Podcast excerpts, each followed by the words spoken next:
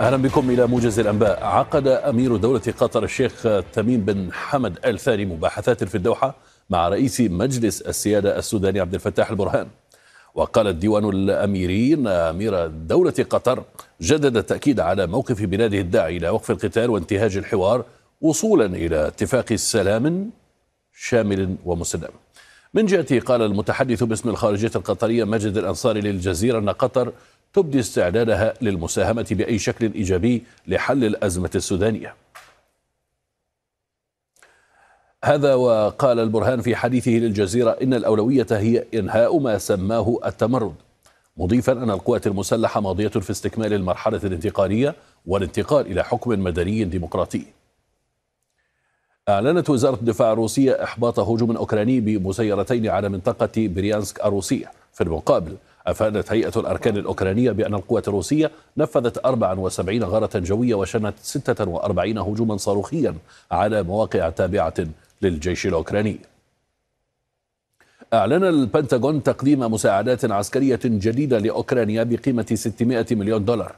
وقال إن قذائف اليورانيوم المنظم الخاصة بدبابات أبرامز التي ستسلم لأوكرانيا ستكون الأكثر فعالية في مواجهة الدبابات الروسية.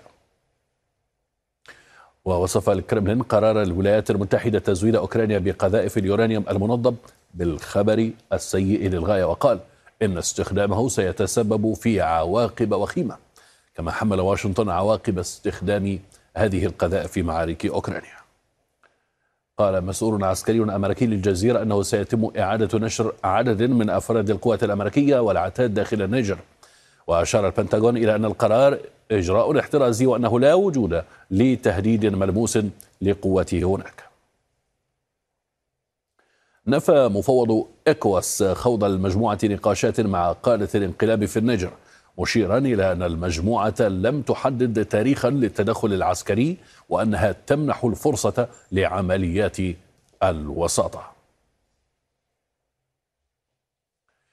قال رئيس الوزراء الأرميني أن أذربيجان حشدت قواتها على طول خط التماس مع كرباخ والحدود مع أرمينيا ودعا المجتمع الدولي لمنع وقوع ما سماه انفجارا جديدا في المنطقة. في المقابل وصفت أذربيجان اتهامات أرمينيا لها بالتلاعب السياسي محذرة من وضع عقبات أمام اتفاقات السلام.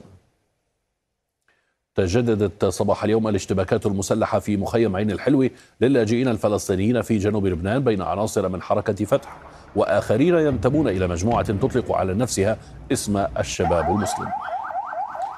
ختام الموجز إلى اللقاء.